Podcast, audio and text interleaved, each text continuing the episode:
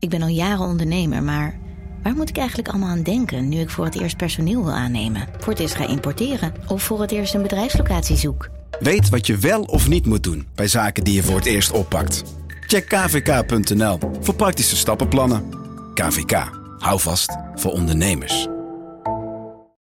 Hey podcastluisteraar. Ook op zoek naar een relevante invulling van je schaarse luisteruren? Tune dan in op de podcastserie ESG, even samengevat van BNP Paribas. Wij, Marloes en Aldert, spreken daar duurzame voorlopers en wereldverbeteraars. Waarover dan? Nou, bijvoorbeeld of we ooit duurzaam kunnen gaan vliegen. En waarom koeien in de stad nou een goed idee is? Dat en meer elke twee weken in een nieuwe aflevering. Dus abonneer je. ESG, even samengevat.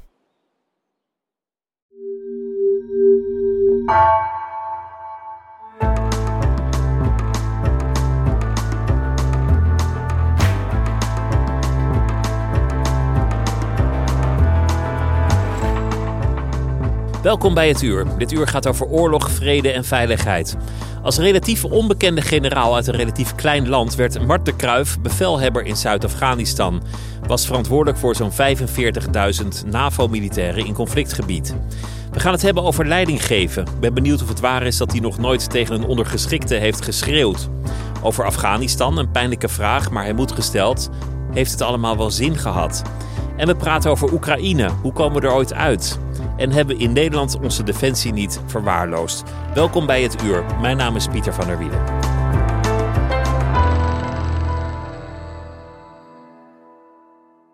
Marten Kruijf, hartelijk welkom. Dank dat je wilde komen. Graag gedaan.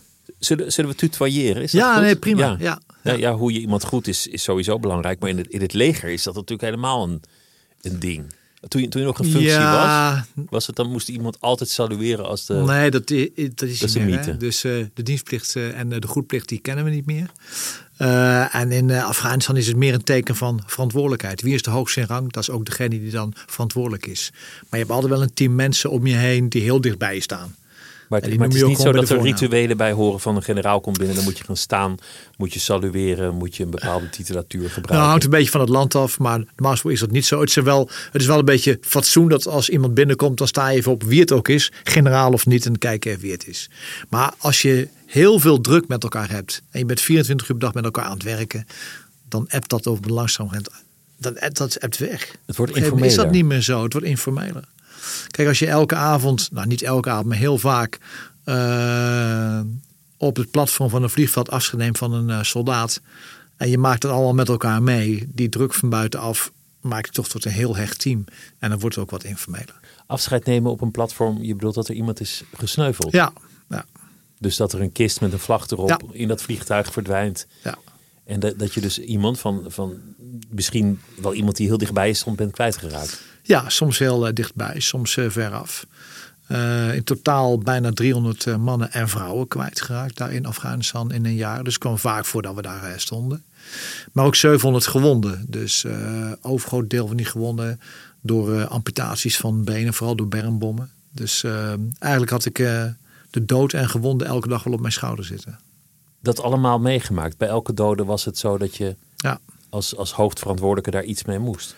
Nou ja, eh, punt 1 belde ik altijd even met de betrokken commandant. Hè. Dus of het nou de Brit was of de Roemeen of de Amerikaan.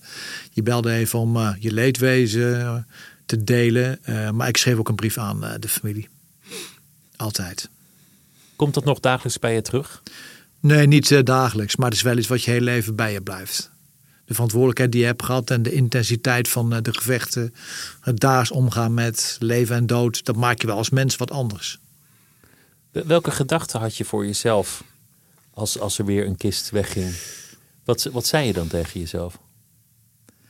Nou ja, eigenlijk zei je niet veel tegen jezelf, maar je dacht bij jezelf: hebben wij alles wel goed eh, gedaan? Hadden we iets kunnen doen om dit te voorkomen? En vaak is het antwoord nee, want je weet, je zit in een oorlog. Dat is altijd frictie, het is altijd smerig, dus ja, je beheerst niet alles. Ehm, soms ligt het ook anders. Soms voel je ook een bepaalde schuld als iemand sneuvelt. Een heel simpel voorbeeld te noemen. Ik had iemand van mijn staf, een Britse kapitein, die dus voor mij werkte, zeg maar. Die stuurden we naar de Roemenen om te kijken of we ergens stroom konden aanleggen op een buitenpost van de Roemenen. Want stroom heb je nodig voor je, je radio's, maar ook voor je bloedplasma te kunnen koelen. Als je geen stroom hebt, kun je daar eigenlijk niet werken. Hij vloog erheen. Uh, de helikopter bij het terugvliegen, die raakte een HESCO. Dat is zo'n grote uh, zandwal. Helikopter kiepte, vloog in brand. Hij kwam er niet uit. En dus een van je eigen mensen moet je dan afscheid van nemen. Kijk, dan komt het heel dichtbij. En dan stel je de vraag, had dit anders gekund? Had ik iets anders kunnen ja. doen? Ja, ja, en dan word je ook heel hard geconfronteerd met het feit dat je niet alles beheerst. Dit is, dit is wel de handel van, van een leger. Dat, dat is het grote verschil met elke andere sector. Ja. Je handelt in dood. Ja. En, je loopt het risico om voor je werk te sterven. En dat besef je ook heel goed. Elke dag. Ja, dat besef je wel voordat je daarheen gaat. Maar dat besef je zeker als je daar zit. Besef je dat ook als je eraan begint? Als je als, als jonge man je aanmeldt voor dat leven? Nee, nee. Maar dat was echt een andere tijd. Dat was in 1977 in uh, de Kama. En toen was oorlog best wel dichtbij, maar ook heel ver weg. Want wat een koude oorlog, wat een afschrikking. En we dachten, als militair ook. Nou, als die oorlog komt, dan loopt alles uit de hand. Of je nou militair bent of burger. Er komt een kernwapen en we zijn allemaal klaar. Hè? Afschrikking, daar geloof Dus de soldaat heeft niet een grotere kans om te sterven dan een burger. Want In dat geval zeker, atoomoorlog. Uh, zeker niet. Maar dat begon wel te veranderen toen we natuurlijk na de Koude Oorlog missies gingen doen. En Srebrenica, waar bij heel veel goede vrienden van mij zaten. Uh, dat was wel een signaal dat de wereld echt anders was uh, geworden. En dat je dus ook zelf als persoon uh, heel dicht betrokken kon worden bij operaties. En Srebrenica was voor ons natuurlijk hartstikke pijnlijk. Niet alleen voor de, voor de duizend doden zijn gevallen, maar we zagen ook dat we heel veel leiders bij de landmacht in dit geval hadden, die we in een soort koude oorlogszetting groot hadden laten worden. Dus het waren managers die de dingen goed deden, om het heel simpel te zeggen. Maar we zochten leiders die de goede dingen deden. Dat is echt iets totaal anders. Maar we waren doorgaan met zeg maar het detecteren en selecteren van mensen die hoog in de organisatie zouden komen. Op dezelfde wijze als in de Koude Oorlog. Alleen we moesten iets totaal anders doen. En dat hadden we nooit veranderd. Dus de les was dat we heel anders met ons leiderschap moesten omgaan. Eigenlijk een leger zonder frontervaring was het. Ja, ja. En we hadden er ook nooit op geanticipeerd. Dat is eigenlijk het tweede punt. Van hé, hey, de wereld is anders. Wat moeten wij anders gaan doen? Pas na Srebrenica zijn we erover gaan nadenken. Zeg je daarmee ook dat de, de gedachten waarmee je in dit militaire leven, leven stapte als jonge man eigenlijk naïef waren? Dat, dat je niet zo goed wist wat je te wachten stond? Nee, nee, dat was niet zo. Ja, je weet niet wat je te wachten staat als je het niet hebt meegemaakt. Dat is absoluut zo. Hè? Dus, dus de druk op je oren, de druk van een granaat, uh, de stress die je hebt, dat zijn dingen die kun je niet oefenen. Dus dat kun je niet van tevoren meemaken. Maar mijn ouders zijn natuurlijk uit de generatie van de oorlog. Dus mijn moeder woonde in Zaandam, die heeft de bezetting meegemaakt. Mijn vader is drie jaar als dwangarbeider in Duitsland ingezet om te werken. Is bevrijd door de Russen. En die zei al op een hele jonge leeftijd tegen mij, dat weet ik nog, dat we op het Airborne Kerkhof liepen bij Oosterbeek. Zoiets van, ja jongens, uh, vrijheid is uh, niet gratis. Dus daar ben ik wel mee opgegroeid. Van huis uit heeft die generatie de oorlog heeft meegemaakt toch wel iets meegeven aan de generaties daarna. Dat als je in vrijheid wil leven, zal er iemand moeten zijn die op een zeker punt bereid is om risico te lopen voor die vrijheid. Ja, om te doen wat nodig is. Terwijl je niet weet of je succes haalt. Dat, dat is heel idealistisch. Was het motief ja. zo idealistisch? Is het motief zo nee, idealistisch? Nee, toen ik naar de KMA ging was dat zeker niet zo. He, toen was ook het uh, avontuur en, en niet achter een bureau willen zitten en sportief bezig zijn. Maar aan de andere kant besef je heel goed dat elke militair die op missie gaat en dan die op die trap staat om Eindhoven, die heeft allemaal een beetje inzicht van, ja jongens, we kunnen wel thuis blijven zitten met z'n allen op de bank, maar daar wordt de wereld ook niet beter van. Ik ga mijn best doen om het beter te maken. Dat, dat zit er ook allemaal in. Dat kun je niet ontkennen. Je, je merkte net wel aan het begin dat, dat ik een, een, uh, een, misschien wat uit oorlogsfilms ontleed beeld van het leger heb. Van dat iedereen meteen salueert en de hakken tegen elkaar slaat en in, Ja. in titels spreekt. En Ja. Ergert je dat eh, als mensen te veel oorlogsfilms hebben gezien? Nee, mijn kinderen ergert het, want die kunnen geen oorlogsfilm met pa kijken. Want, Want pa, je hebt commentaar. pa zegt echt binnen 10 minuten wat er allemaal niet klopt. dus dat is waar, maar het ergert mij niet. Want eh, het is ook een beetje een, een oud beeld. Uit de dienstplichttijd Het kwam er nog echt voor dat kaderleden eh, zich heel afstandelijk opstellen ten opzichte van de soldaten. En eigenlijk alles beter wisten. In een beroepsleger is dat, is dat totaal anders. Als je nou nu pelotonscommandant bent, dus jonge luitenant en je leidt 40 man. Die 40 man en vrouwen weten van hun vak meer dan jij. Dus je moet ze niet meer zeggen wat ze moeten doen en waarom en ook hoe ze het moeten doen. Maar ze bepalen zelf hoe ze het moeten doen. Dus je hebt een hele andere stijl van leiding geven. Dus je moet zeggen wat het resultaat moet zijn en hoe je dat doet, Ja. moet je zelf Ja, bepalen. ja, maar als je onder vuur ligt, moet er wel iemand zijn, dat is de andere kant, die zegt we gaan nu links. En die verantwoordelijk is. Dus dat is het verschil. Dus aan de ene kant in een gevecht moet je soms heel directief zijn. Want iemand moet zeggen we gaan nu links. Terwijl achteraf en ook vooraf bij de planning van de operatie, maar ook achteraf, ja, is het bijna zeg ik de grootste anarchie van Nederland. Want ongeacht rang of stand in zo'n peloton zegt iedereen: ik heb dit gezien, ik denk dat dat beter kan, ik denk dat we dat volgende keer anders moeten doen. En dat doe je omdat je weet als je het niet doet, het gaat om leven en dood. Het gaat niet om een bedrijfsresultaat, het gaat niet om winst, het gaat om leven en dood. En we zaten ook elke avond, ook met mijn eigen staf, in Kandahar zaten vaak even te filosoferen. Maar soms maar een kwartiertje van jongens, wat hebben we gemist? Wat kunnen we beter doen? Wat hebben we laten liggen? Dus het is juist belangrijk alle ideeën te horen, alle gedachten te, te bepalen, Ja. omdat het zo gevaarlijk is. Een heel concreet voorbeeld was, ehm, zeg maar, een van de taken die we hadden was binnen acht minuten moesten wij bepalen of er een bom mocht worden gegooid op een kwala of niet. Hè? Nou, eh, nu is er in eh, de publiciteit het geval van een bom in Chora tijdens operatie Chora. Waarvan de rechter heeft gezegd die had niet gegooid mogen worden. Zeker. Maar wij waren degene in Afghanistan die moest zeggen of het wel of niet mocht. Waarom moest ik dat doen? Of mijn Britse generaal. Eh, omdat we burgerdoden wilden vermijden. Dus die bevoegdheid om te besluiten werd naar mijn niveau getrokken. Dat is een heel hoog niveau. Nou, waarom acht minuten? Zo'n gevecht is klaar na acht minuten. Dus daarna hoeft het niet meer. Maar voordat zo'n bericht bij jou is, duurt het zeg maar vijf minuten voordat via al die verschillende niveaus jij weet, hé, hey, er is iets aan de hand. Dus je hebt drie minuten om te besluiten. En daar heb ik geleerd wat diversiteit in wezen is. Eh, ik had altijd een antropoloog, ik had een jurist, ik had een inlichtingenman en een operationeel man. Waren altijd met z'n vijven. En twee daarvan waren altijd vrouw. Altijd vrouw. En daar leer je heel snel met zo'n diverse groep, heel snel hoe je toch het beste kunt besluiten. Hebben het altijd goed gedaan? Nee. Maar wat maakt vrouwen zijn uit op zo'n moment? anders. Weer een andere hoek om te kijken naar besluiten. Een andere hoek. Is het is- dan zachter of eh, Nou, soms eh, niet Op eens. detail of nee, soms, eh, soms niet eens. Maar mijn jurist was een vrouw. En die was niet alleen juridisch goed, maar kon ook heel goed dat koppelen aan ethiek. Moeten ze dat nu wel of niet doen? Dus naar dat soort dingen merk je, hey, je kunt heel snel binnen een groep werken. En ik heb ook het andere meegemaakt. Dat McChrystal, mijn baas in Afghanistan, die werd teruggeroepen door Obama en ontslagen van de ene op de andere dag. Omdat hij allemaal mensen om zich heen had die alleen maar bezig waren met wat wil de baas horen. En Terwijl ik mensen om me heen had die het ook niet met me eens durfden zijn. Die mensen die ik om me heen had eh, verzameld. Die zeiden, is het nou wel een goede keus of moeten we het wel of niet doen? en dat voorkomt blikvernauwing? Het voorkomt blikvernauw, het voorkomt niet dat je het soms fout hebt. Want dat is ook de brute realiteit van oorlog. We hebben bommen gegooid terwijl het niet mocht of niet nodig geweest zou zijn. We hebben ook geen bommen gegooid terwijl het wel nodig was. Maar dan vallen er dus doden, onschuldige doden. Of eigen mensen sterven, omdat je geen bom gooit. En dat is het wezen van oorlog, waar we allemaal moeite hebben dat te erkennen. Je moet een besluit nemen, terwijl je niet weet of alle informatie die je hebt allemaal klopt. En je kunt niet alles zien, maar je moet een besluit nemen. Want als je geen besluit neemt, neem je eigenlijk ook een besluit. Als je je mensen niet steunt op de grond, heb je ook een probleem. En je weet, dat besluit wat ik nu neem gaat consequenties hebben. Maar het is het beste wat ik op dit moment kan doen. Alleen het past niet in onze maakbare wereld. Waar we alle informatie hebben, alle algoritmes hebben.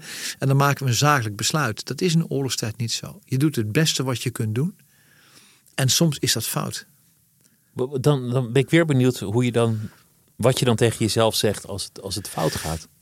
Eh, nou, dat is niet altijd makkelijk. Hè? Het is niet dat je dat even zomaar wegstopt. Dat is natuurlijk niet zo. Maar je leert wel heel hard dat we niet alles beheersen. Wij, wij in het Westen vooral, wij denken dat we alles beheersen. En als er wat fout gaat, dan dat kan niet. En dan gaan we nieuwe regels maken. Maar we beheersen niet alles. En zeker in een oorlog beheers je ontzettend weinig van elkaar. En, en dat besef komt heel hard binnen. Dat het doet ook wat met je, maar je weet, ja, maar ik moet wel deze besluiten blijven nemen. Want als ik het nu doe, wie doet het dan wel? Die verantwoordelijkheid zit bij jou. Niemand anders kan dat doen. Je kunt en die er op dat verantwoordelijkheid moment- draag je dus ook. Je kunt er niet voor wegduiken als je daar eenmaal zit. Iedereen kijkt naar jou en zegt, baas, wat gaan we doen? Hoe is het eigenlijk om, om dan als een relatief onbekende generaal uit een klein land Ja, de, de, de, de macht te krijgen over zo'n enorme troepenmacht met zoveel verschillende nationaliteiten nou, in, een, in een land dat zo moeilijk eh, te begrijpen is? om heel eerlijk te zijn, eh, toen ik eraan eh, begon, was een jaar van tevoren, belde Peter van Nu mij op. Peter van was toen de commandant van de landmacht en zei, Mart, je gaat naar Afghanistan en je gaat er een jaar heen en je krijgt 45.000 man en succes ermee. Ja, je telefoon die legde ik neer en eigenlijk dacht ik, what the fuck. Ik schrok me kapot. Eigenlijk niet alleen hoe vertel ik het thuis natuurlijk, hè, want je bent bijna twee jaar weg. Maar vooral, jezus jongens, Hoe ga ik dit doen? Was dat het? hoe ga ik dit doen? Kan ik, kan ik dit wel? Kan ik dit überhaupt wel? Dus ja, weet je, dat is best wel schrikken. En ja, dan ga je toch in een soort modus als militair, dat je wel aangeleerd van oké, eerst weer tegen de dikke boom zitten. Wat moet er gebeuren? Wat kun je achter elkaar doen? Ehm, maar de, daar zit ook gewoon een stuk toeval in. Daar kwam ik pas later achter. Maar in de voorbereiding moest er heel veel naar Pentagon, in het Witte Huis geweest. Veel naar, de naar het Verenigd Koninkrijk, veel naar Canada. was toch een soort ehm, ja, eh, kruisverhoor kreeg je steeds van. Want Amerikanen vinden dat niet leuk als een, iemand van een andere nationaliteit zeggenschap krijgt over Nee, ze wilden troepen. mij er ook niet hebben. Althans, dat is de anekdote die Peter van Um wel eens eh, met mij deelde. Eh, want eh, hij had een vergadering met de Amerikanen. En die zei, ja luister, die commandant van jou gaat maar zes maanden. Maar we zoeken eigenlijk iemand die een jaar gaat. En de achtergrond daarvan was natuurlijk van, dat sturen we wel een Amerikaan. Waarop Peter gelijk zei, nou, die van mij gaat dan ook wel een jaar, geen probleem. Dus daarom ben ik er eigenlijk blijven zitten. Dat is eigenlijk één, dus stom toeval. En het tweede is, en, en dat, volgens mij werkt dat ook wel. Ik had gestudeerd in eh, de Verenigde Staten. En ik weet nog heel goed dat de ambassadeur van Nederland in de Verenigde Staten mij een mailtje liet zien van State Department naar Pentagon van wie is dat? Die Mart Kruijf, kennen jullie die überhaupt? En bij Pentagon zei ze eh, letterlijk, eh he has been to the US Army War College, he is okay, he is one of us. Zo werkt dat dus. Zo werkt dat, Dat schepte dus. vertrouwen dat je een soort van dezelfde opleiding had gehad. Ja, voor een deel. Maar je ziet wel dat eh, de Britse generaal die bij zit en de Amerikaanse generaal die bij zit en de Canadese kolonel, die hebben natuurlijk ook een tweeledige opdracht hè, om te zorgen dat je niet helemaal uit de bocht vliegt. Nou, dat is natuurlijk nooit gebeurd. We zijn een heel hecht team geworden, had ook anders gekund. Maar je zit wel steeds op een niveau waarin je frictie krijgt tussen wat de politiek wil en wat er militair kan. En jij moet daar steeds brugjes over vinden. En dat is, dat is niet makkelijk. En zeker in Nederland, bij Nederland was dat niet makkelijk. Had je veel met Den Haag te maken als, als NAVO-commandant? Nee, nee, nee. Ik heb. ehm, eh, Nederland was erg gericht op eh, de TFU, hè, dus het Nederlandse aandeel. Een, een van de zeven taskforce die ik had. Was ook prima. Ehm, maar het hinderde wel soms, inhoudelijk. Niet dat ik geen steun had hè, van, van Peter van Nuem en de directeur operaties. Die hebben me echt prima geholpen. Eh, maar om heel simpel voorbeeld te noemen. eh, al die Amerikanen die behoorden bij operatie Enduring Freedom. En niet bij ISAF. Maar Nederlandse militairen mochten niet met Enduring Freedom samenwerken. Dat was de politieke begrenzing die aan de missie was meegegeven. hè. Het was een opbouwmissie, geen vechtmissie. En wij mochten geen zaak doen met Enduring Freedom. Maar 25.000 van mijn mensen waren operatie Enduring Freedom. Dat is natuurlijk een totaal kunstmatig onderscheid tussen een opbouwmissie en een vechtmissie. Nou ja, dus ik... Als je in vijandelijk gebied komt, dan, dan ja, wat ga je opbouwen zonder te vechten? Precies, dat is ook al onzin natuurlijk. Want als je enkel maar opbouwt, dan stuur dan een aannemersbedrijf, die kan het veel beter. Maar ik ben met, het, met die vraag naar Van Middelkoop gegaan als minister. Ik zeg, luister, ik ben Nederlands officier in een NATO-context, maar ik stuur 15.000 mensen aan waarop staat Enduring Freedom. En hoe gaat u mij daarin de rug vrij houden als ik er vragen over krijg? Hij zei, dat is een goede vraag. Dat is wel inter- interessant, het, het contrast tussen een politieke werkelijkheid en een, en een militaire werkelijkheid. En, en die brug moet je dus steeds maken. Overigens was het niet de enige, hè, maar ik denk dat alle Nederlandse gewonden die zijn vervoerd met Amerikaanse evacuatiehelikopters, medewerkhelikopters. Daar stond echt op Operatie Enduring Freedom. Dus alle commandanten TFU hebben dezelfde afweging gemaakt dan ik. Van ja, ga je nou jongens, laten, jongens en mij laten sneuvelen? Of ga je die regel even opzij zetten en onder het mom, je kunt beter achteraf om vergeving vragen dan vooraf om toestemming. Maar het gaat uiteindelijk om de missie en het leven. En eigenlijk zou dat niet mogen. Kijk, we doen er nu luchtruim, maar dat zou niet mogen. Als je als politiek militair op pad stuurt, dan moet je heel klip en klaar zijn in wat je wil en wat de randvoorwaarden zijn. Want het is een reusachtige verantwoordelijkheid die je als politicus neemt. Iemand naar een oorlogsgebied sturen. Gezien al die kisten die je met een vlag erover hebt zien weggaan. Enorm. Ja. We hebben het nu over 2008, 2009. Ja. Ik, ik, vind, ik vind het bijna een pijnlijke vraag om te stellen, maar ik zou geknipt voor de neus waard zijn als ik hem niet zou stellen. En, en ik, ik, ik weet dat, dat het voor mij anders is om de vraag te stellen dan voor, voor jou om te beantwoorden met alles wat je gezien hebt. Heeft het allemaal wel zin gehad? Ja, vind ik een hele goede vraag. Maar eigenlijk Maar is ook dat- een pijnlijke vraag. Ja, maar het is een vraag die je eigenlijk elke dag stelt. Hè? Eh, het is zo raar als je dat niet deed. Als je daar staat op de ramp op het platform van een vliegveld en er gaat weer iemand weg, dan vraag je: heeft het zin gehad? En ehm, ik worstel daar best wel mee, niet toen ik daar zat, hè, want iedereen kijkt naar de baas. En als je daar zit, dan zie je ook wat de missie betekent en wat je, wat je daar doet. Dus het is heel basic, maar het feit dat wij nu gebieden in konden waar we eerst niet in konden, omdat we zoveel extra mensen hadden, die voortgang op de grond zag je wel. En de verkiezingen doen waarbij je Afghanen meer dan een dag ziet staan wachten om te mogen stemmen, dat zie je ook wel. Dat motiveert je.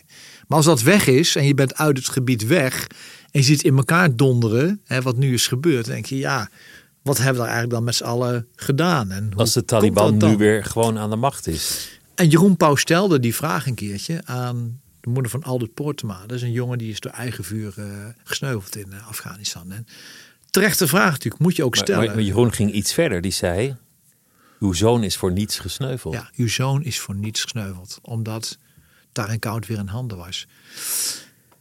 En dat, dat is eigenlijk de enige nacht dat ik wakker heb eh, gelegen.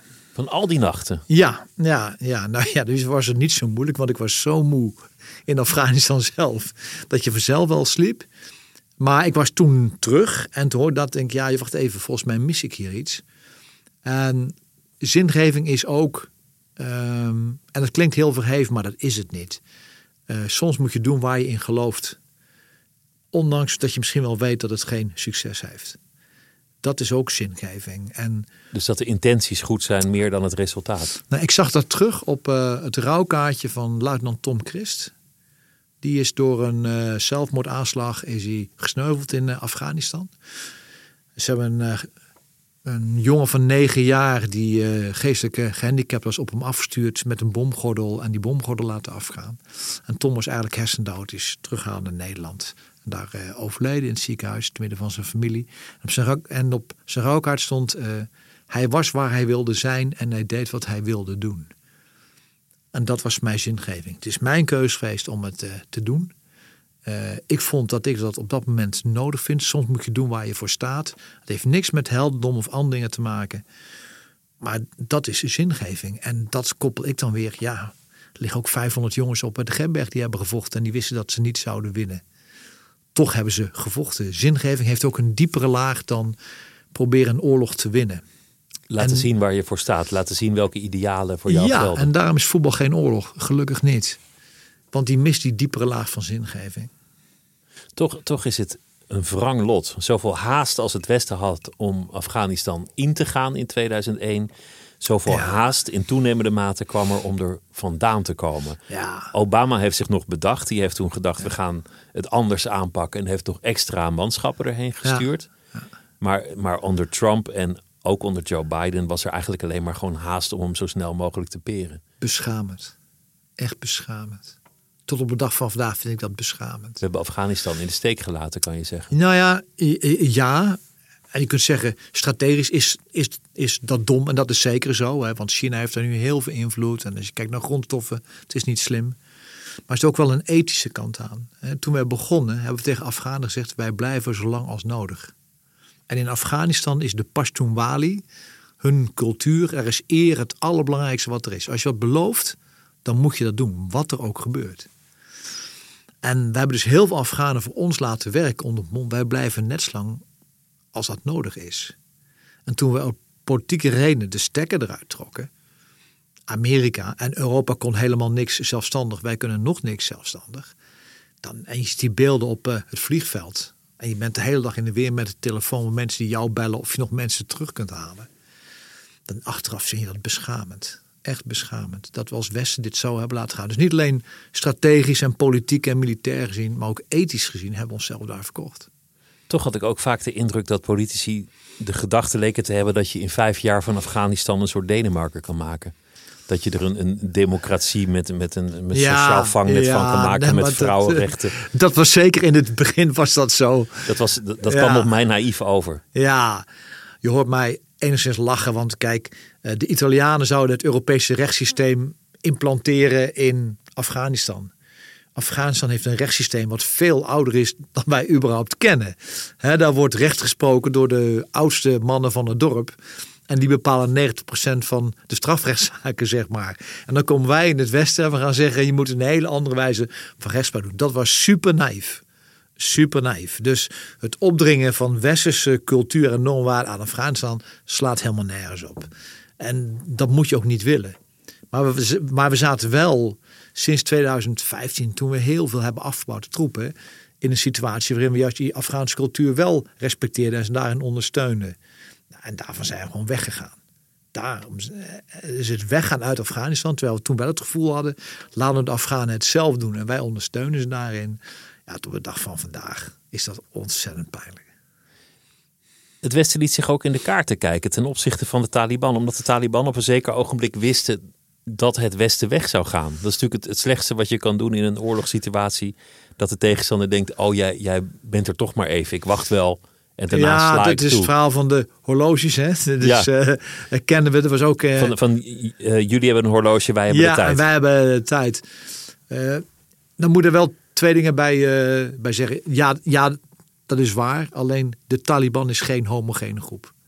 Integendeel, het Taliban heeft vele gezichten en binnen de Taliban kun je eigenlijk uh, elke sub-substam van de Pashtun kun je koppelen aan een deel van de Taliban. Het is ongelooflijk ingewikkeld om grip te krijgen wat de Taliban is.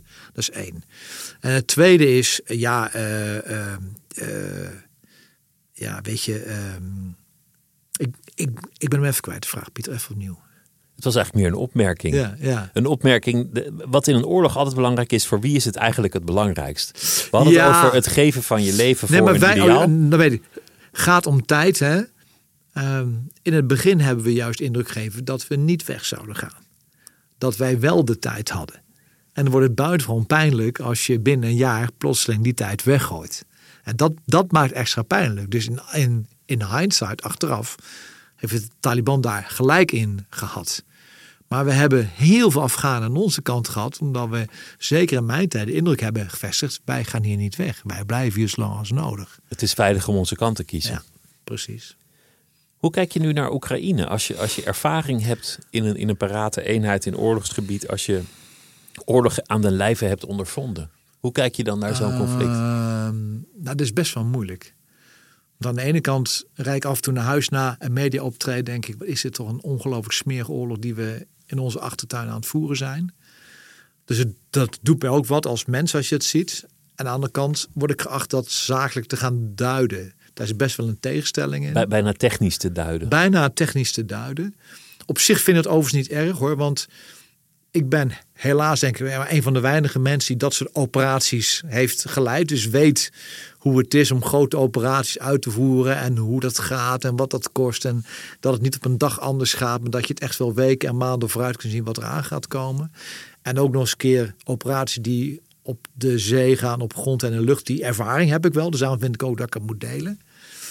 Uh, en dat zakelijk doen. En soms wel eens tegen een soort blauw-geel brilletje aan, wat we heel vaak in Nederland hebben. Aan de andere kant rijd ik wel eens naar huis, denk ik, jongen, jongens, ik kan me voorstellen wat daar gebeurt. Hè? Je weet wat er gebeurt als je een flat in puin schiet. De, de drukgolven, de ontwrichting, eh, de paniek in de ogen bij mensen. En dat gebeurt dagelijks en op een schaal die ongelooflijk groot is. Ja, ehm, dus heel dubbel. Aan de ene kant mag deze oorlog mij morgen stoppen. En hoef ik morgen niet meer op de buis te zijn. Aan de andere kant voel ik het toch een soort verplichting. Het klinkt misschien raar om te duiden wat daar gebeurt. Het is een, een veel barbaarsere oorlog dan we, ja. dan we dachten dat ooit nog in Europa gevoerd zou worden. Ja. Ja. En uh, dat komt volgens mij door twee dingen. We hebben Poetin met z'n allen onderschat of we wilden hem graag onderschatten. Um, en de wil van Oekraïne om uh, te vechten. Uh, wat er ook gebeurt, tegen elke prijs. Dat zijn de twee dingen die natuurlijk nu tot deze oorlog leiden. En het verloop van deze oorlog leiden. Wat, wat ik interessant vind in een oorlog en wat ik eigenlijk nooit helemaal heb begrepen is... wanneer, wanneer heeft iemand eigenlijk gewonnen? wanneer in een oorlog zeg je nou oké, het, is, het is over. Dat, ja, het kan zijn dat iemand gewoon helemaal zoals Duitsland in 45 onder de voet is gelopen. Dat, dat het hele land in puin ligt en de leider zelfmoord pleegt. Dan heb je verloren. Of iemand krijgt ineens een soort vlaag van ratio en zegt ik geef het op. Ja. Dit is allemaal niet waard. Maar wanneer, wanneer win je eigenlijk een oorlog? Duitsland is wel een fascinerend voorbeeld. Want Duitsland gaf niet op, terwijl het land al helemaal in puin was. Uh, Bleef tot de laatste snik vechten. Maar tot in de straten van Berlijn moest je gewoon vechten, terwijl het land al helemaal vernield was. Uh, Noord-Vietnam gaf ook niet af, terwijl ze vochten tegen een veel grotere tegenstander met veel meer technologische mogelijkheden en veel meer middelen. Eigenlijk um, moet je zien dat oorlog volgens mij echt gaat om het breken van de wil van jouw tegenstander. Daar, daar gaat het om. En als die wil is gebroken, dan stopt de oorlog. Dan stopt de oorlog. En de situatie waarin we nu zitten is dat Poetin is oorlog begonnen waarbij de tegenstander heeft onderschat. Misschien gebaseerd op 2014. Uh, hij zag toen hij de Krim annexeerde de Krim en dat annexeerde, best makkelijk ging. Hij zag het Westen ook als zwak. Hè? In Kabul met de staart tussen de benen weg. Hij zag Biden ook als uh, zwak. En hij dacht, ja weet je, uh, als ik het moet doen, dan moet ik het nu doen. Dit is mijn kans. Alleen hij heeft zowel het Westen als de vastberadenheid van de Oekraïne vreselijk onderschat. En dan ga je een oorlog in die uh, heel veel tijd kost. Want Oekraïne gaat niet opgeven. En dat gaat ook niet gebeuren op korte termijn. En Poetin kan niet opgeven. Want als hij opgeeft, is hij zijn macht kwijt. Is hij zijn aanzien kwijt. Is hij zijn persoonlijke invloed kwijt. Dus je zit nu in een dilemma dat je zeg maar twee worstelaars hebt die in de veertiende ronde zitten. Beide hartstikke moe zijn en toch niet kunnen opgeven. Dus, dus ze moeten tot de laatste snik door, volgens dit model. Dat is een beetje de ironie van deze oorlog. En daarom vind ik ook en hoop ik ook dat deze oorlog ook door anderen nu beëindigd kan worden. Maar als de partijen het zelf niet doen, Oekraïne omdat ze niet willen verliezen. En ze winnen ook op de grond, dat zie je ook. En Poetin wat niet kan verliezen. Ja, dan moet je een ander land toe zeggen, jongens, nou is mooi geweest. Hoe, hoe zou dat eruit zien? Ja, uh, volgens mij zijn er twee landen die dit zouden kunnen doen, die ook de macht hebben om het te kunnen doen. Bij Oekraïne is dat natuurlijk de Verenigde Staten. Uh, Oekraïne is voor 80% van de inkomsten afhankelijk van de Verenigde Staten. Militaire steun, economische steun. En natuurlijk China ten opzichte van Rusland. Rusland is toch het kleine broertje geworden van China. En de invloed op de wereldhandel nu van deze oorlog, als die doorgaat, ja, dat kan China ook niet hebben. Dus, dus daar zal het vandaan moeten komen. Dus de grootmachten die zeggen, nou is het afgelopen. Ja, ja. Dat is in de Suez-oorlog in 56. Of de Yom Kippur-oorlog, dat is al vaker gebeurd. Maar iemand zal moeten zeggen, ook van buitenaf, van jongens, uh, het is mooi geweest. China was wel erg cynisch aan het begin. Ze schijnen gezegd te hebben tegen Poetin, prima dat je doet, maar wacht even tot de Olympische Spelen voorbij zijn. Ja, ja. Dat, dat is heel cynisch. Ja, en niet de eerste keer. Hè? Dus in uh, Sochi was het natuurlijk ook zo. Het is de tweede keer dat het zo is gebeurd. Maar China heeft wel altijd, en dat is wel China van nature, een soort fansitter. Dus zeg maar even kijken wat er gebeurt. En niet gelijk een kant kiezen. En ik ben er zelf van overtuigd, ik kan het niet hard maken, dat China ook tegen Poetin heeft gezegd: je mag doen wat je wil, maar je blijft weg bij kernwapens. Dat gaan we niet doen, want dat kunnen wij niet hebben. Um, Want kernwapens, dat zou de economie ontwrichten. Dat zou misschien leiden tot een groter conflict. Dat, dat zou te ontwrichtend zijn. En China heeft meer dan voldoende problemen, ook in eigen huis. Die heeft eigenlijk een economie die moet blijven groeien. Als niet goed, dan hebben ze echt een uh, probleem. Dus dat kan China zich niet permitteren. En India ook niet. Maar nu kom je in een situatie dat het niet zozeer gaat met kernwapendreiging, maar de duur van de oorlog en alle consequenties voor de wereldhandel. En ik denk dat China toch langzamerhand, maar dat gaan wij niet zien, achter de schermen gaat zeggen: ja, luister jongens, het is mooi geweest. Maar China heeft ook nog een claim op Taiwan liggen. Dat ja, dat het, speelt ook een rol. Hè? Extra ja. complex.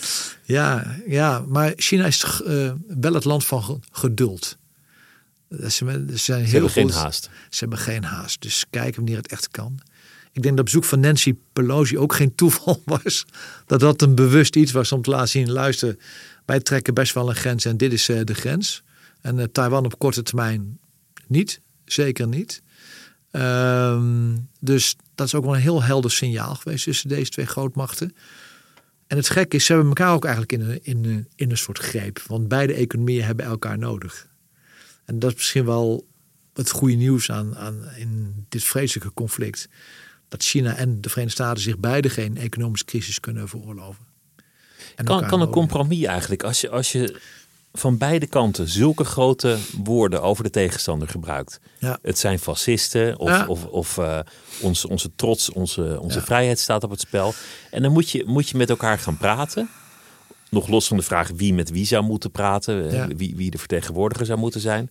Dan kom je uiteindelijk thuis met een pak met de duivel, bijna per definitie.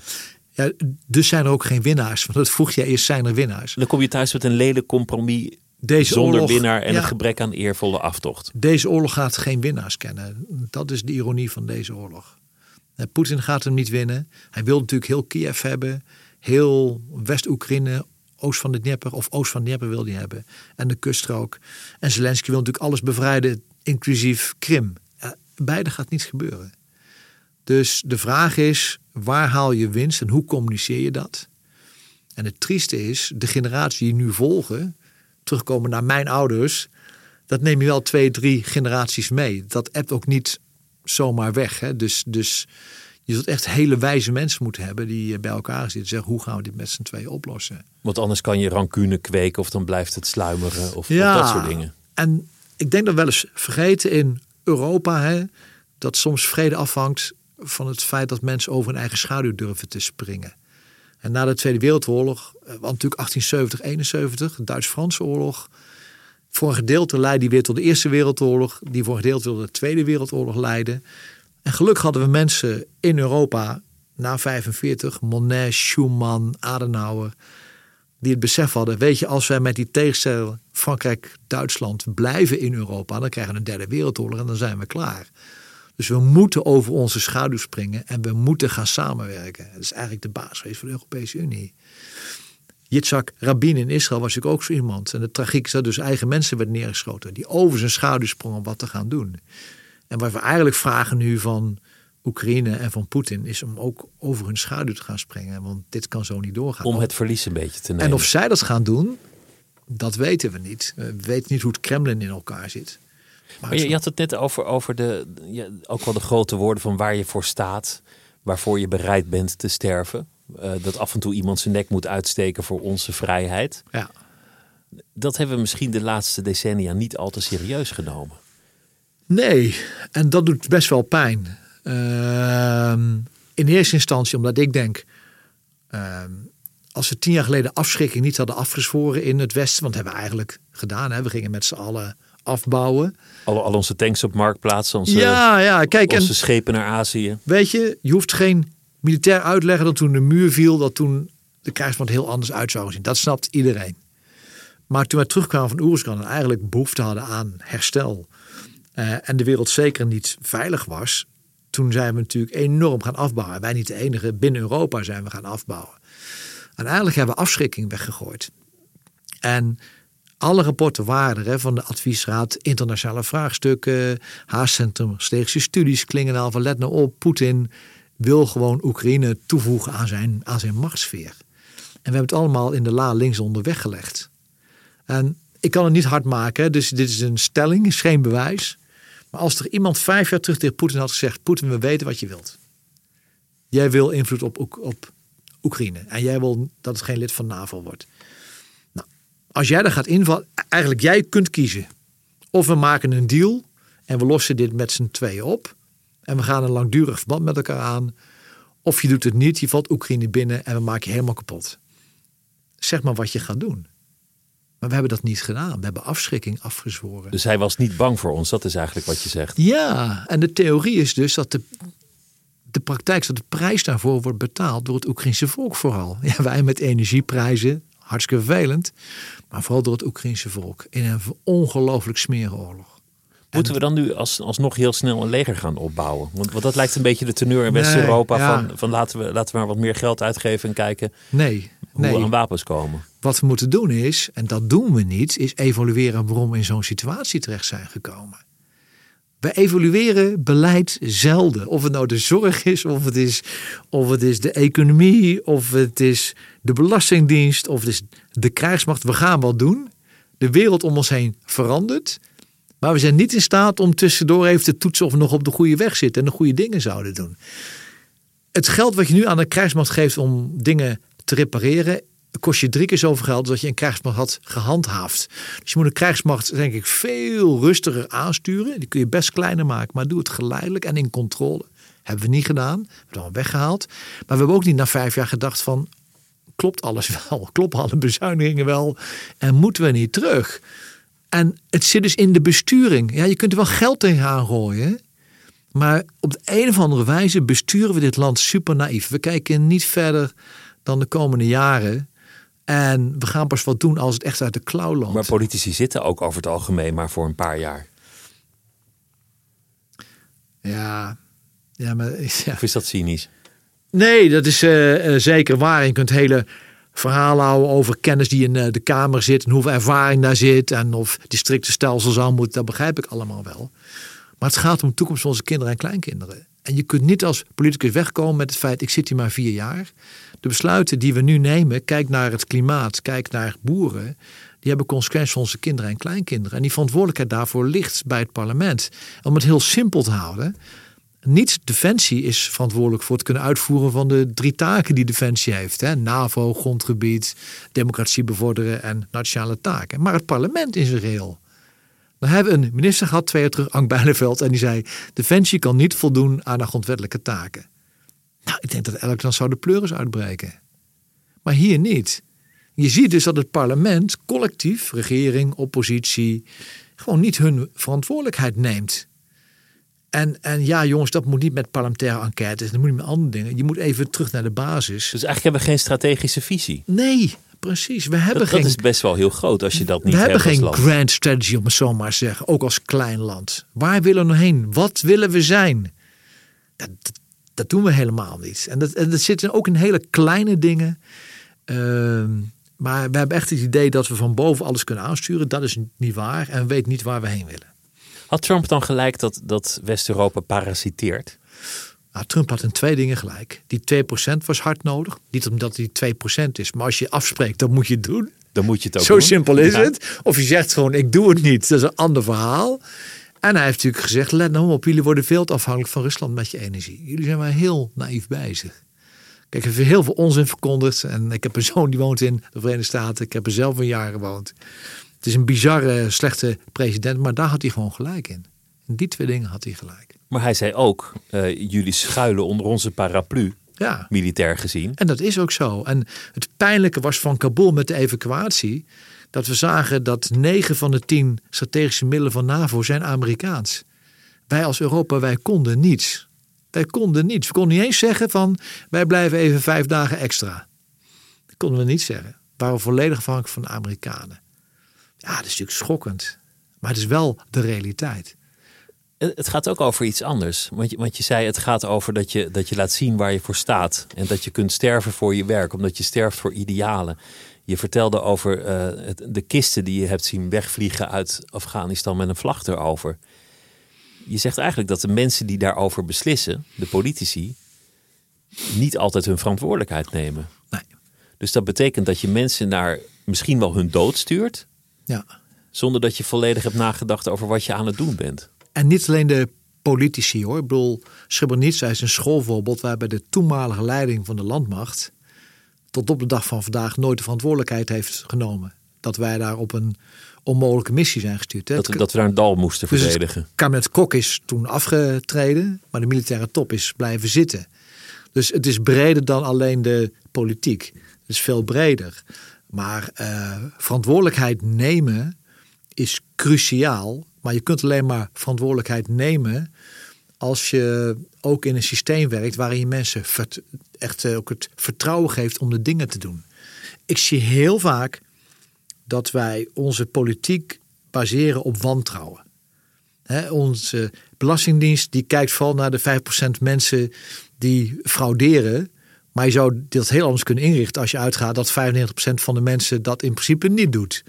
En dan accepteer je dat er wat fout gaat. Het gek is, nu gaat er ook wat fout. Een heel simpel voorbeeld uit de praktijk. Mevrouw Helder van Sportrecht. Alle vrijwilligers moeten een VOG hebben bij sportverenigingen. Verklaren voor omgesproken gedrag. Want dan gaan we veilige sport maken. Ja, dat is helemaal niet waar. Even los van het feit dat een van de 300 mensen maar een VOG niet krijgt. De rest krijgt hem gewoon. Je gaat een bureaucratie maken van bovenaf. Terwijl wat je wilt eigenlijk is dat die mensen bij die sportvereniging je de tools meegeeft om niet alleen kinderen te kunnen trainen, maar ook sociaal veilig te kunnen hebben. Daar moet je dus in investeren, dan moet je in opleiden. Je moet mensen dus vertrouwen dat ze het goede willen doen. En ze niet roepen van bovenaf, we gaan nu een VOG en dan komt alles goed. Het hele stelsel waarin wij een overheid maken, is gebouwd op controle. en wantrouwen. controle heb je maar weinig en vertrouwen is cruciaal. Dat, dat zijn de dingen die je zei. Ben je hoe denk je dan nu over de, de bereidheid om te sneuvelen als je sneuvelt door de beslissingen van mensen waarvan je eigenlijk zegt ze bakken er niet zoveel van? Ja, weet je, ik heb nooit een soldaat meegemaakt die sneuvelbereid was. Ik ken hem niet. Ik ben hem niet tegengekomen. De, de anekdote is altijd als, als ze zeggen een aantal gaat sneuvelen, dat iedereen naar zijn buurman kijkt en denkt: ach, arme jongen. Ja, en een, en een soldaat vecht in een gevecht, geloof me echt, niet voor zijn staat, maar voor zijn buddy naast zich. dus dan is je wereld wordt heel, heel erg klein. Je zorgt dat je er samen uitkomt. maar waar het mij meer om gaat, is het besef dat wat wij hebben niet gratis is. Dat het voortdurend onderhoud vergt. En soms ook offers vergt. En je moet dus, als je op 4 mei op de Dam staat, niet alleen herdenken wat er is gebeurd. in 1940 tot 44, maar je moet ook de link leggen met wat er nu gebeurt. Want vrijheid glip je zo door de handen heen. Als, als uh, mensen langs de kant staan van een voetbalveld en dingen roepen die niet kunnen, grijp je in of niet. En ik zie een heel groot verschil in tussen norm en waarde. Die zijn eigenlijk allemaal hetzelfde. Die hebben we allemaal. Hè? Respect, uh, noem maar op. Uh, liefde, eerlijkheid, oprechtheid. En wat we ermee doen. Hoe zet je norm en waarde om in deugden, zeg maar? Er ligt een auto andersom in het water. We vinden het allemaal slecht. Maar hoeveel mensen springen er in het water?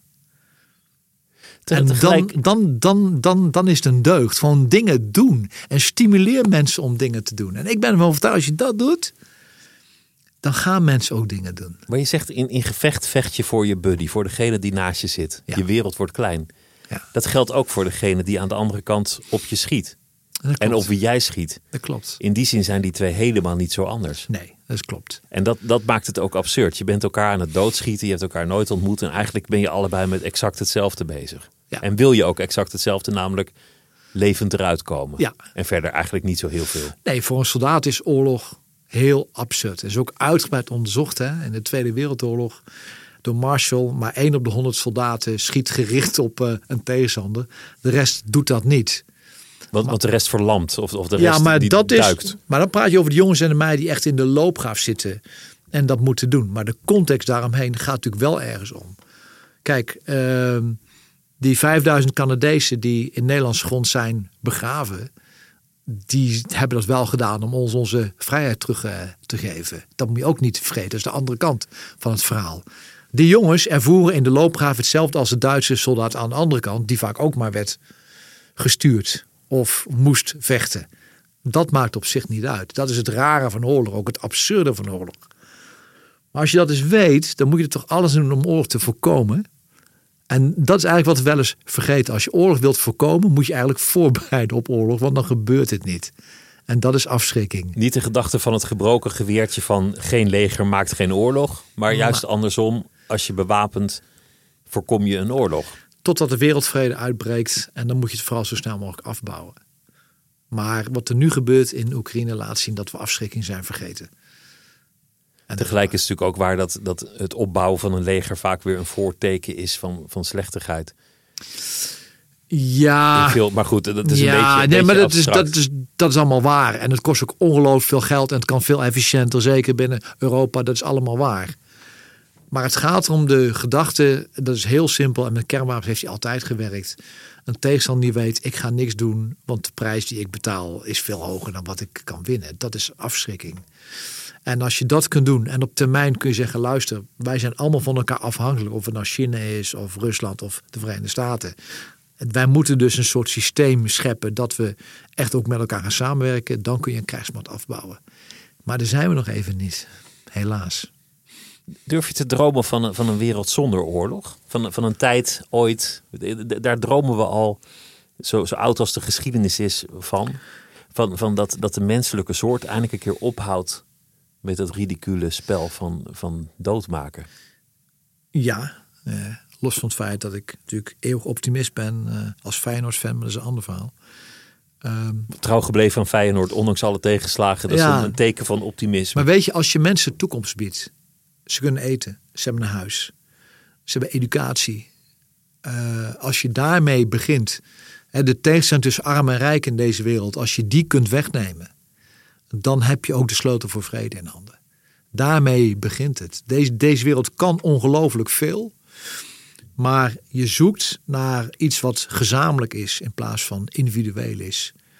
En daar worstelen we mee. Sinds religies hè, en de ontzuiling is geweest, of het nou socialisme was of katholicisme.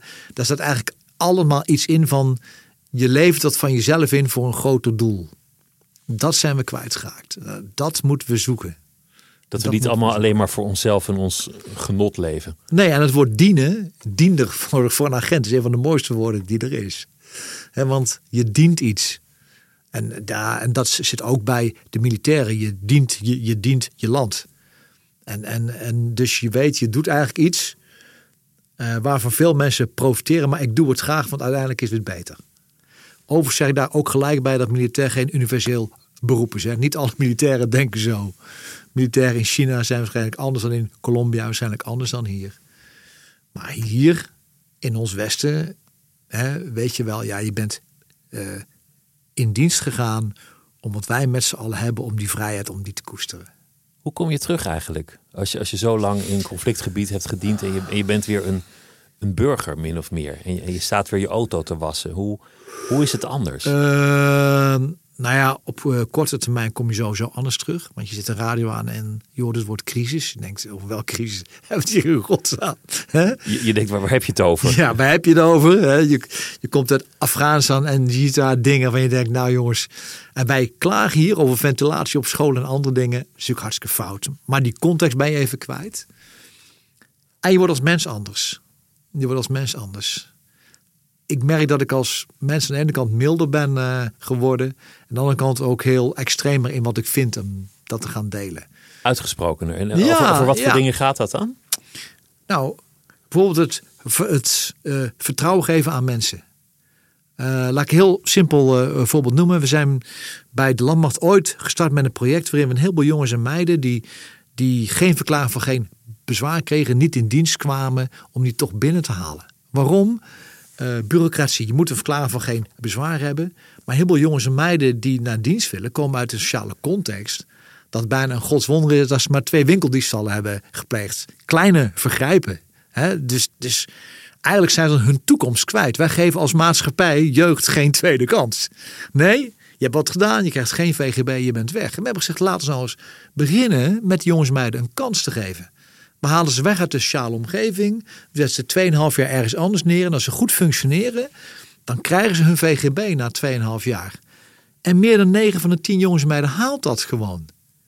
Dus daarmee begint het met, met aandacht. Als je twee veteranen op een middelbare school zet en je zegt je gaat het ongeoorloofd schoolverzuim met de helft terugdringen, dan lukt ze dat. En dan heb je ook geen instroom bij de jeugdzorg meer, of veel minder, want dan ben je al te laat. Het zit met vorming in het begin. En die krijgsmacht heeft gewoon een ontzettende vormende waarde. Die moet je veel meer inzetten. Maar niet alleen die krijgsmacht, ook die vrijwilliger bij de sportvereniging kan een ontzettende vormende waarde hebben. Maar dan moet je wel de tool geven. En een VOG is een middel, maar niet het tool wat je daarvoor nodig hebt. Dit- gaat ook weer over iets om voor te leven. Maar wat ik een beetje proef, en dat vind ik eigenlijk wel grappig. Je, had het over het anarchisme dat in zo'n commando-eenheid eh, kan zitten. voordat het gevecht begint. In, in veel van wat je zegt zit ook een soort tegendraadsheid. Ja, Ik, ik begon met het salueren en het klappen Ja. van, van de hakken en, en Ja. al, al die clichés. Ik, ik heb altijd geleerd van een, een soldaat moet zijn bed goed opmaken en moet alles Zeker. opruimen, want ja, rommeligheid is gevaarlijk. ja. Maar in jou zit ook een enorme tegendraadsheid. Ja, kijk, die eh, discipline zit er zeker in en dat is, dat is ook goed. Hè? Ik bedoel, als je moet vechten, dan Moet je gedisciplineerd zijn moet je klaar. gedisciplineerd zijn. Dan moet je gewoon skills en drills kunnen doen. Dat hoort er ook bij. Maar ik merk vooral, en ik denk dat het vooral door missies komt, dat je ook een soort passie ontwikkelt van hoe je deze wereld echt beter kunt maken. Want je hebt de donkere zijde van deze wereld gezien. Ik denk dat dat het is. Als je de donkere zijde van deze wereld ziet, dan zie je volgens mij ook hoe je het beter kunt maken. Als je, als je de echte narigheid hebt gezien, Ja, dingen Ja. die ik me niet eens kan voorstellen, nee. dan zie je ook juist de zonnige kant en de hoop. En dat het ook anders kan. Hè, die- In Witstreams is een schoolvoorbeeld. Alle energie die daarin vrijkwam, geen sponsor die weggaat. eh, dat kunnen we allemaal fixen. Invictus Games is, zeg maar spelen voor mensen Ja, met, met een ja. beperking. En eigenlijk dat organiseren was gewoon een appeltje en een eitje. Maar dan heb je wel 500 mensen die gehandicapt zijn geworden. Eigenlijk in een gat zijn gedonderd, fysiek en mentaal. En er zelf uitkruipen.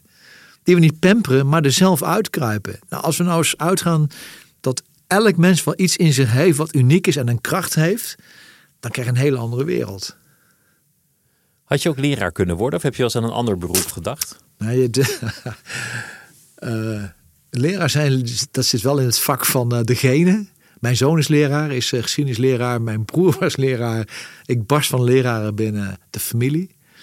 Alleen ik was een hele slechte leerling op een school. En dat komt omdat ik gewoon een buitenkind was. Dus... Geen eh, kind voor een bureau, dat zei je net Nee, ik moest gewoon buiten zijn. en buiten dingen doen. Dus was niet voor geschikt. Ik geef nu wel bijvoorbeeld les aan VMBO over Oekraïne.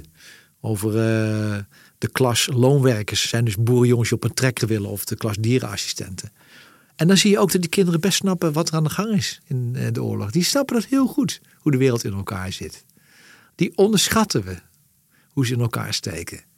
Dus, dus ja, weet je. ehm, ga uit van wat de mens in zich heeft. En geloof in principe dat het goed is. Dan kun je zoveel ver- verder komen. Als een controlestaat waarvan we ook nog roepen dat we personeelstekorten hebben. Als we morgen stoppen met alle adviesraden, consultants, coördinatoren. Jongens, dan heb je veel meer arbeidskracht om te doen wat we zouden moeten doen. En geen mensen buiten de, boord, eh, buiten, buiten de boot laten vallen. Het, het is toch een optimistisch uur geworden, valt me op. Ondanks dat we over Oekraïne niet anders dan somber kunnen zijn op dit Ja. moment. Eh, Ja. Je zegt dat kernoorlog niet gaat gebeuren. Nee. Maar je ziet toch uiteindelijk ook wel hoop voor, voor de mensheid, denk ik. En Ja. toch uiteindelijk zal er ergens vrede moeten komen. Ja. En regel het vooral niet dood. Dankjewel dat je langs wilde komen. En eh, het was een groot genoegen. En dit was eh, voor deze week Het Uur. Een podcast van NRC gemaakt door Else van Driel, Anouk van Kampen, Mira Zeehandelaar en de chef van de audioredactie is Anne Moraal. Tot volgende week.